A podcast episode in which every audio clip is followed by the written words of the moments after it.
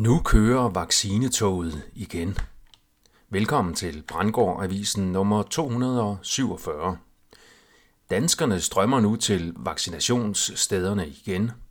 Kritisk britisk medie beskriver også paralleller mellem HIV-AIDS dengang og corona-covid-19 nu. Mit navn er Per Brandgård, det er den 6. oktober 2023. Statsmediet DR bragte i går nyhed om, at næsten 180.000 danskere er blevet vaccineret mod influenza og covid-19 siden søndag, hvor efterårets vaccinationsindsats blev sat i gang. DR citerer en pressemeddelelse fra Sundhedsstyrelsen, hvor konstitueret enhedschef og overlæge Kirstine Mold Harbo udtaler, at, og jeg citerer, det ser lovende ud, citat slut. Vaccinationsperioden løber frem til 15. januar. Som noget nyt er det i år også muligt at blive vaccineret hos landets apoteker uden tidsbestilling. Tilgængelighed af vaccination synes igen at være en vigtig parameter for at øge lydigheden. Sundhedsstyrelsen anbefaler, at følgende personer bliver vaccineret mod både influenza og covid-19. Alle personer på 65 år og derover Personer på 18 til 65 år med kroniske sygdomme, blandt andet lungesygdomme, hjertekarsygdomme og diabetes. Personer med svær overvægt med BMI over 35. Personer med svær psykisk lidelse samt gravide i andet eller tredje semester. Der er ikke et ord om risikoen for bivirkninger i hverken Sundhedsstyrelsens pressemeddelelse eller DR's nyhedsartikel.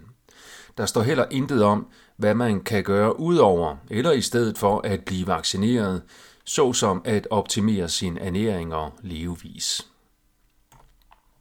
The Exposé har bragt en lang artikel om HIV-AIDS som forløber for covid-19-pseudopandemien.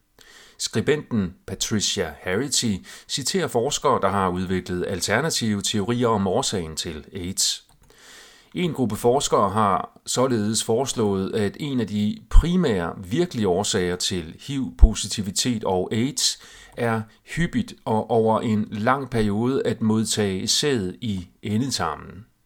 Studier af bøsser og heteroseksuelle har angiveligt vist, at den eneste seksuelle risikofaktor for en positiv HIV-antistof-test er passiv anal sex. Sæd aflejret analt bliver optaget i kroppen, hvorimod sæd aflejret i vagina ikke bliver optaget, da slimhinden i endetarmen kun har et lag, hvorimod slimhinden i vagina har flere lag. Dertil kommer, at skader på tarmen under anal samleje øger sædoptagelsen og skader sundheden yderligere. Det tyder på, at kroppen ikke er designet til analsex. Optagelsen og skaderne bliver yderligere fremmet, hvis den modtagende seksuelle partner inhalerer nitrit, som var et populært seksuelt stimulerende stof i bøssemiljøet, da AIDS-epidemien startede. Jeg har selv i går udgivet en lang artikel, hvor jeg gennemgår professor Peter Duisbergs kritiske HIV-AIDS-forskning fra 1989 til 2011 så er vi i hvert fald to, der uafhængigt af hinanden kan se paralleller mellem HIV-AIDS dengang og corona-covid-19 nu. Pudsigt, at vi udgiver næsten samtidig. Min egen artikel er dog reserveret til betalende abonnenter, da emnet ikke ligefrem er begynderstof.